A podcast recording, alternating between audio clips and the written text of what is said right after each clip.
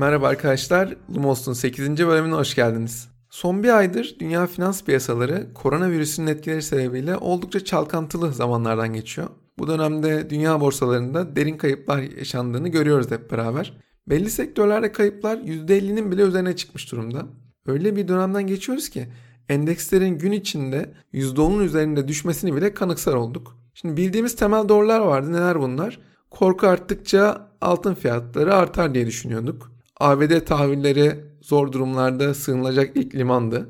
Dolar değer kaybederken altın güçlenirdi. Ancak ne yazık ki bu korelasyonlar artık çalışmıyorlar. 2008 krizinden bir çıkış reçetemiz vardı. Merkez bankaları piyasaları likiditeye boğardı. Ancak şu an durum öyle ki hali hazırda faizler zaten düşük. Piyasalarda likidite bolluğu var. Merkez bankaları şu an 2008 krizinde fayda sağlayan aynı reçeteyi uygulamaya çalışıyorlar. Ancak son bir ayda bu reçetenin ne kadar anlamsız olduğunu da gördük. Kimse krizin ne zaman biteceğini, tahribatın ne kadar büyük olduğunu öngöremiyor şu an. Böyle bir dönemde evden çalışmanın verdiği garip ruh hali birleşince şirket analizi yapmak her zamankinden çok daha zor. Geçtiğimiz bölümde bir farklılık yaparak abonelik temelli işleri konuşmuştuk. Bu bölümde yine bir şirket analizimiz var. Konuğumuz Tesla. Bundan yaklaşık bir ay önce Tesla'nın piyasa değeri büyük bir rally'nin ardından 170 milyar dolara kadar çıkmıştı. Bugün itibariyle piyasa değerine bakıyorum 75 milyar dolar. büyük bir iniş var. Ancak bu kadar büyük bir düşüşün ardından birçok insana Tesla hisselerini almak oldukça cazip görünüyor. Ama Tesla gerçekten bu kadar değerli mi? Gelir çarpanlarına baktığımızda piyasa değeri gelirlerinin yaklaşık 3 katı kadar. Eğer Tesla'yı Apple ya da Microsoft gibi bir teknoloji şirketi olarak görüyorsanız bu oran size çok yüksek görünmeyebilir ancak Tesla'yı bir otomobil şirketi olarak görüyorsanız bu oran oldukça komik. Karşılaştırma yapabilmemiz adına bu oranın Ford'da 0.11, General Motors'ta 0.18, Volkswagen'de 0.21, Daimler'de de 0.31 olduğunu söylemeliyim. Hatta bir adım daha ileriye gidip bu şirketlerin en iyi olduğu dönemlerde bile gelir çarpanı olarak birden işlem görmediklerini eklemeliyim. Şimdi buna karşıt argümanlar sunabilirsiniz. Diyebilirsiniz ki önümüzdeki yıllarda tamamen elektrikli araçlar kullanacağız. Ya da Tesla tüm pazarı domine edecek. Ya da Tesla'nın sadece otomobil satmadığını, yazılım, pil, güneş paneli gibi ekstra gelir kaynakları olduğunu örnek gösterip Tesla'nın gerçek bir teknoloji şirketi olduğunu söyleyebilirsiniz. Bugün Lumos'ta öncelikle elektrikli araç sektörüne bir bakış atıp sonra Tesla'nın hikayesinde öne çıkan noktaları anlamaya çalışacağız beraber. Son olarak da Tesla'nın geleceğiyle ilgili kendi tahminlerimi paylaşıp podcast'i kapatmayı planlıyorum. Hadi başlayalım. Dünya geneline bakıyoruz. Elektrikli araç satışları hızla artıyor. Ancak yine de yoldaki araçların sadece küçük bir kısmı elektrikli. 2008 yılında lityum iyon pil ile çalışan ilk seri üretim otomobil Tesla Roadster'ın piyasaya çıkmasından beri Volkswagen, Toyota birçok otomobil üreticisi kendi arabalarını piyasaya sürüyorlar. Menzil problemi var, batarya maliyetleri çok yüksek, üretim zorlukları var, tüketici tarafında yaşanan belirsizlikler var. Endüstri bu yüzden gelişimini çok yavaş devam ettiriyor. Ancak Yıllar geçtikçe teknik sınırlamalar ortadan kalkmaya başladı. Üretim maliyetleri azaldı ve insanlar daha fazla sürdürülebilir çözümler talep ettiler. Tüm bunlar elektrikli araçların popülaritesini her geçen yıl arttırdı. 2011 yılında elektrikli araçların ortalama menzili sadece 120 km. Günümüzde bu rakam 320 kilometreye kadar çıkmış durumda. Bloomberg bir araştırma yayınlamış elektrikli otomobillerin bataryalarının ortalama maliyetleri üzerine 2011 yılında kilowatt saat başına maliyet 800 dolarlar. 2020 yılına geldiğimizde bu rakam 150 dolarlara kadar düşmüş durumda. Aynı araştırmaya göre 2023 yılında bu rakamın 100 doların altına gerilemesi bekleniyor. Bu iyileşmeler 2011 yılında 50 bin adet olan araç satışını 40 kat arttırdı ve 2019 yılına 2 milyona yükselmesini sağladı. Elektrikli araç satışları aslında 2010 yılından 2018 yılına kadar her yıl istikrarlı şekilde artıyordu. 2 milyon üzerine de çıkmıştı zaten. 2019 yılında bu artış trendi sürdürülemedi. Hala 2 milyon üzerine satış yapılıyor ama trend sabit kaldı. Bu rakam hala dünya genelinde toplam araç satışlarının sadece %1.3'ü kadar. Şu an yollarda bulunan 250 otomobilden sadece bir elektrikli. Bir süre daha bu düşük rakamların devam etmesi bekleniyor ancak 2030'dan sonra ciddi bir trendsel artış beklentisi var. McKinsey'e göre 2040 yılına geldiğimizde dünyadaki otomobillerin üçte biri ve yeni otomobil satışlarının yarısı elektrikli olacak. Çevresel faktörler, sosyopolitik faktörler, ekonomik faktörler bunların hepsi birleşiyor. Elektrikli araç teknolojisine olan ilgiyi arttırıyor. Bu durum uzun yıllar boyunca ülkelerin elektrikli araç teşvikleri konusunda oldukça cömert olmalarını da sağladı. Dünya genelinde iklim değişiklikleriyle mücadele etmek adına elektrikli araçların çok önemli bir rolü olacağı da bir gerçek. Hatta bu noktada bir sonraki aracının elektrikli olacağını söyleyen insan sayısı hiç de azımsanmayacak düzeyde. Şu ana kadar paylaştığım bilgiler elektrikli araçlara olan ilgiyi açıkça gösterse de tüm pazarlarda büyüme eşit değil. Çin, ABD ve İskandinav ülkeleri elektrikli araçların giderek yaygınlaştığı lokasyonlar. Çin zaten en başından beri elektrikli araç teknolojisinde lider olma arzusu taşıyor. 2019 yılında satılan elektrikli araçların yaklaşık %60'ı Çin'de, %15'i de ABD'de bulunuyor. Bu kümelenmenin temelinde aslında devlet teşvikleri yatıyor. Devletlerin şarj istasyonlarının altyapılarının finanse edilmesi konusunda ciddi desteği var. Şu an her ne kadar teşviklerde gözle görülür düşüşler olsa da ABD'de elektrikli araç alıcıları 2500 dolar ile 7500 dolar arasında bir vergi teşviği alıyordu 2019 yılına kadar. Çin'de araç başına satın alma teşviği 8700 dolara kadar ulaşıyordu. Hatta Norveç'te bu destek 11.500 doları görüyordu. Elektrikli araç sahiplerinin otoyol ve feribotlardan da ücretsiz yararlandığı bazı şeylerde otopark ücreti bile ödemediği durumlar vardı. Hani bu kadar teşvik olunca ister istemez pazarda büyüyor. Olaya biraz Tesla açısından bakmaya başlayalım. Tesla'nın bugün bu kadar yüksek bir değerlemeye sahip olmasının temelinde önümüzdeki dönemde elektrikli araçların pazar payının hızla artacağı ve bu büyüyen pastadan da en büyük payı Tesla'nın alacağına inanılması yatıyor. Peki Tesla'nın bu noktada ne gibi avantajları bulunuyor? Evet, ilk avantaj olarak batarya ile başlayalım. Batarya Tesla'nın ana işi olan elektrikli araçların yanı sıra enerji depolama işi için hayati bir öneme sahip. Elektrikli araç maliyetinin önemli bir kısmını oluşturuyor. Tesla da bu batarya maliyetini azaltmak için ilk günden beri yoğun şekilde çalışıyor. CNBC'de yayınlanan bir araştırma var. Tesla'nın elektrikli arabalarında kullandığı silindirik batarya takımlarının maliyetini 158 dolara kadar indirdiğini söylüyorlar. Aynı araştırmaya göre bu rakam 4 yıl öncesine göre kilowatt saat başına 100 dolardan fazla düşüş anlamına geliyor. Tesla batarya paketlerinde silindirik pil kullanan tek otomobil üreticisi. Tesla haricinde elektrikli otomobil üreticinin batarya maliyetleri 2019 yılında kilowatt saat başına ortalama 200 dolardan fazla. Bu maliyetler neden bu kadar önemli diye sorabilirsiniz. Çünkü kilowatt saat başına 100 dolar kritik eşik. Eğer otomobil üreticileri 100 dolar maliyetlere inebilirse fosil yakıtlı arabaların artık ekonomik olarak anlamsız olacağı ve devrimin resmi olarak gerçekleşeceği dile getiriliyor birçok uzman tarafından.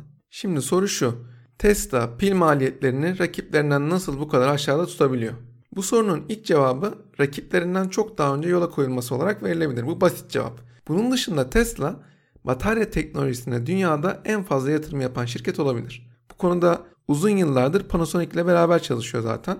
2015 yılında Nevada'da çölün ortasında dünyanın en büyük fabrikalarından birinin yapımına başlamıştı. Bölüm bölüm açılan bu fabrikanın yanına New York'ta ve Şangay'da iki fabrika daha eklemişti Tesla. Berlin'e de bir fabrika açmayı planlıyor şu an. Bu yatırımlarla gelecek 10 yılda hem batarya tarafında hem de elektrikli araç üretiminde dünyanın en büyüğü olmaya aday durumda şu an. Geçtiğimiz yıllarda Tesla'nın araç üretimi sırasında batarya tedariği önemli bir kısıtlayıcı olmuştu. Önümüzdeki yıllarda çok daha yüksek adetlere çıkmayı planlayan şirketin sadece Panasonic'e bağlı kalması beklenemezdi zaten. Tesla'nın yakın zamanda büyük pil tedarikçileri CATL ve LG ile de çalışmaya başladığını gördük. Bu işbirliklerinin dışında bana göre asıl önemli hamle şirketin kendi pilini üretme planları. Tesla her ne kadar aksini iddia etse de geçtiğimiz yıl iki önemli satın alma yaptı. 218 milyon dolara alınan Maxwell ve Kanadalı batarya üreticisi ve mühendislik şirketi Heber Systems bu yolda atılan önemli adımlar. Şirket bu noktada ARGE çalışmalarına devam ettiriyor. Bir süre önce enerji yoğunluğu daha yüksek yeni pil tasarımının da patentini almıştı zaten. Özellikle Maxwell'in teknolojisinin otomotiv sektöründe hali hazırda kullanılan bataryalardan daha verimli olduğu söyleniyor birçok uzman tarafından. Tesla'nın yaptığı bu hamleler sonrası önümüzdeki birkaç yıl içinde kilowatt saat başına 100 dolar hedefini tutturması çok zor görünmüyor. Bu sayede elektrikli araçların maliyetlerini de çok daha aşağı çekeceğini tahmin etmek çok zor değil. Batarya maliyetlerinin yanı sıra bir diğer önemli konu da batarya verimliliği. Tesla'nın bu konuda kat ettiği mesafeyi anlayabilmek adına olaya bir örnek üzerinden bakalım beraber. Dizel skandalı sonrası Volkswagen elektrikli araç yatırımlarını hızlandırmıştı. Bu noktada geçtiğimiz yıl Tesla Model S'e rakip olabilecek Porsche Taycan'ı tanıttı. Kağıt üzerinde 2019'un en heyecan verici elektrikli otomobildi Taycan. Batarya verimine baktığımızda rakamlar pek de iç açıcı değil. EPA'ya göre Model S'in menzili 560 km, Taycan'ın ağırlığı ve bataryası Model S ile aynı. Ancak menzili sadece 323 km.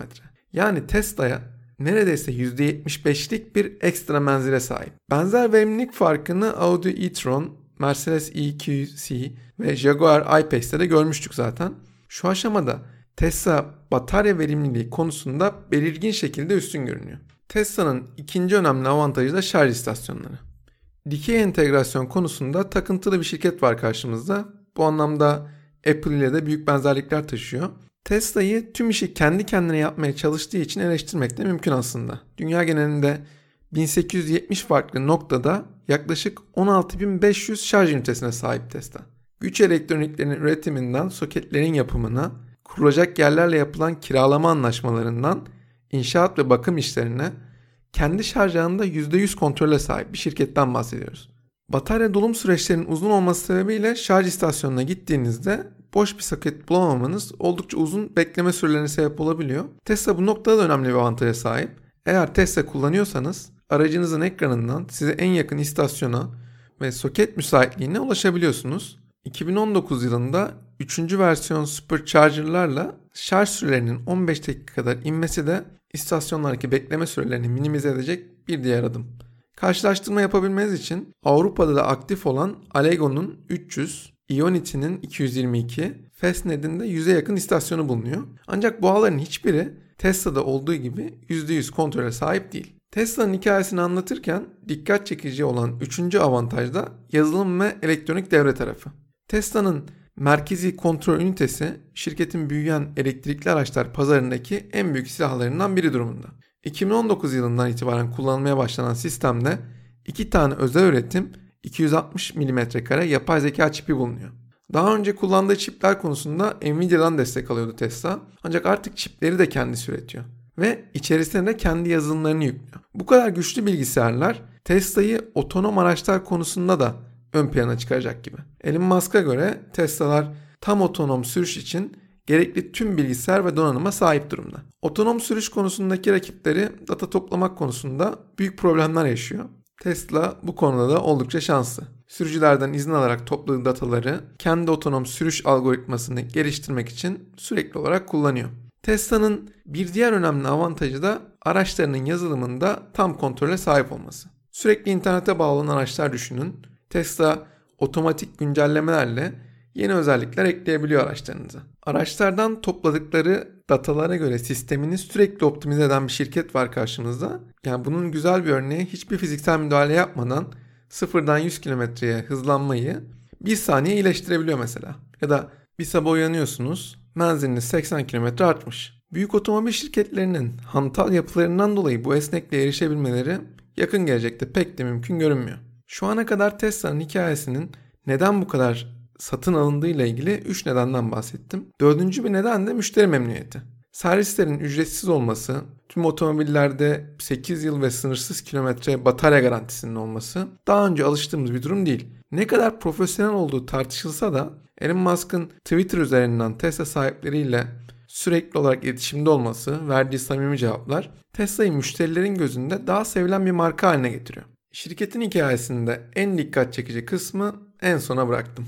Tesla demek Elon Musk demek. Şirket 2003 yılında Martin Eberhard ve Mark Tarpenning tarafından kurulmasına rağmen bugün insanların çok büyük bir bölümü Tesla'nın kurucusu olarak Elon Musk'ı tanıyor. Tony Stark'ın gerçek hayattaki yansıması gibi bir karakter insanlar için oldukça ilham verici.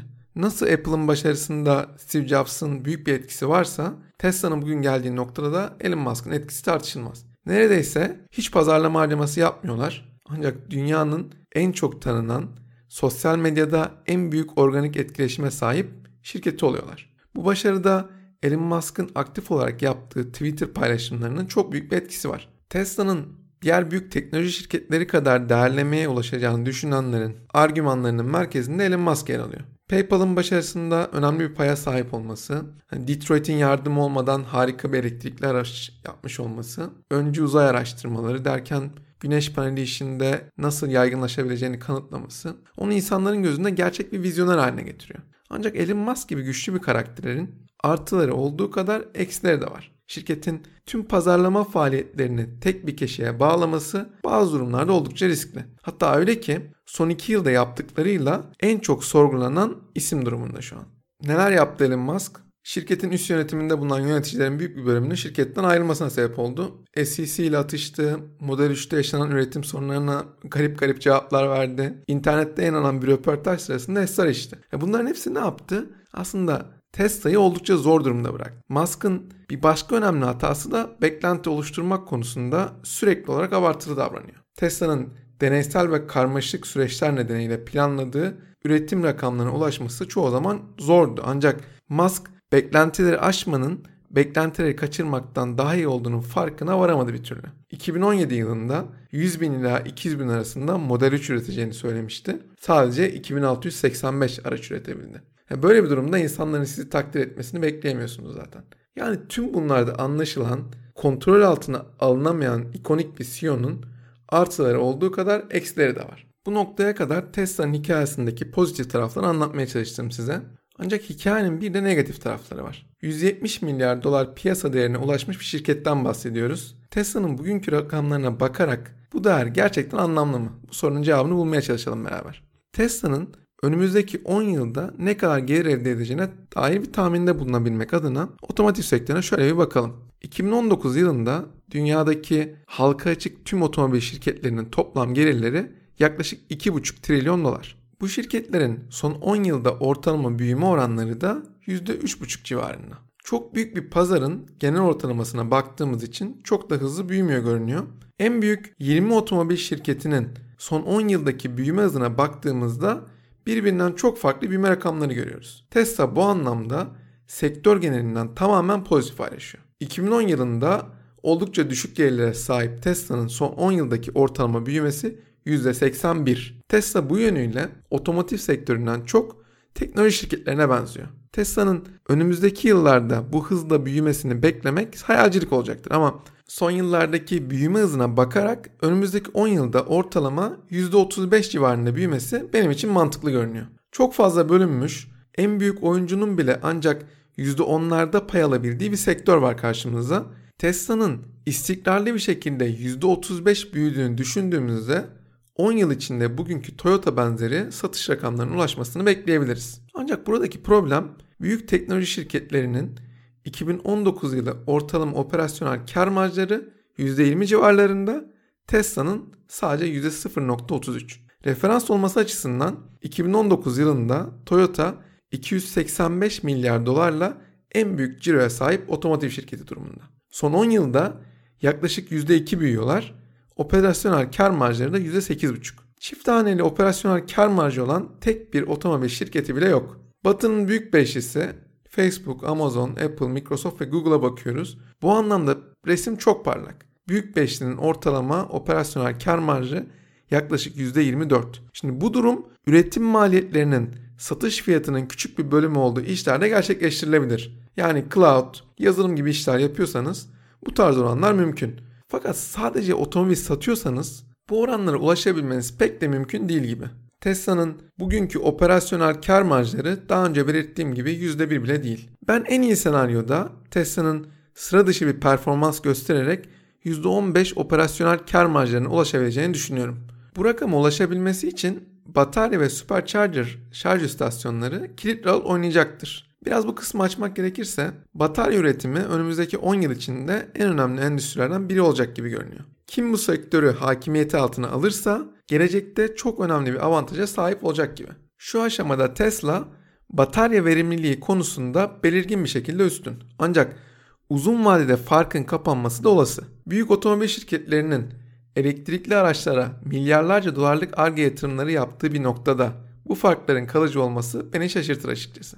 Ben bu noktada Tesla'nın fark yaratabileceği alanın batarya tedarikçisi rolüyle olacağını düşünüyorum. Tesla'nın üretim hacmi olarak çok büyümesi ve pil teknolojisi konusunda kat edeceği mesafe onu dünyanın en büyük pil tedarikçisi haline getirebilir. Supercharger şarj istasyonları konusunda da Tesla başlangıçtan itibaren çok başarılı bir stratejiye sahip bana göre. Hızlı şarj rakiplerinin çok önünde ve bu da şirkete ciddi bir rekabet avantajı sağlıyor. Tesla'nın her geçen gün büyüttüğü network'ü başka otomobil firmalarına da kiralaması benim için şaşırtıcı olmayacaktır. Tesla'yı yıllık 250 milyar dolarlık satış rakamına ulaştığı, %15 operasyonel kar marjının olduğu bir senaryo üzerinden değerlediğimde piyasa değerini 60 milyar dolar civarında buluyorum. Tesla'nın hikayesi sizin için çok daha büyük bir potansiyel ifade ediyorsa tabii ki çok daha büyük rakamlara ulaşmasını bekleyebilirsiniz. Sonuç olarak potansiyeliyle ilgili herkesi heyecanlandıran bir şirket var karşımızda. Hem Elon Musk'ı hem de Tesla'yı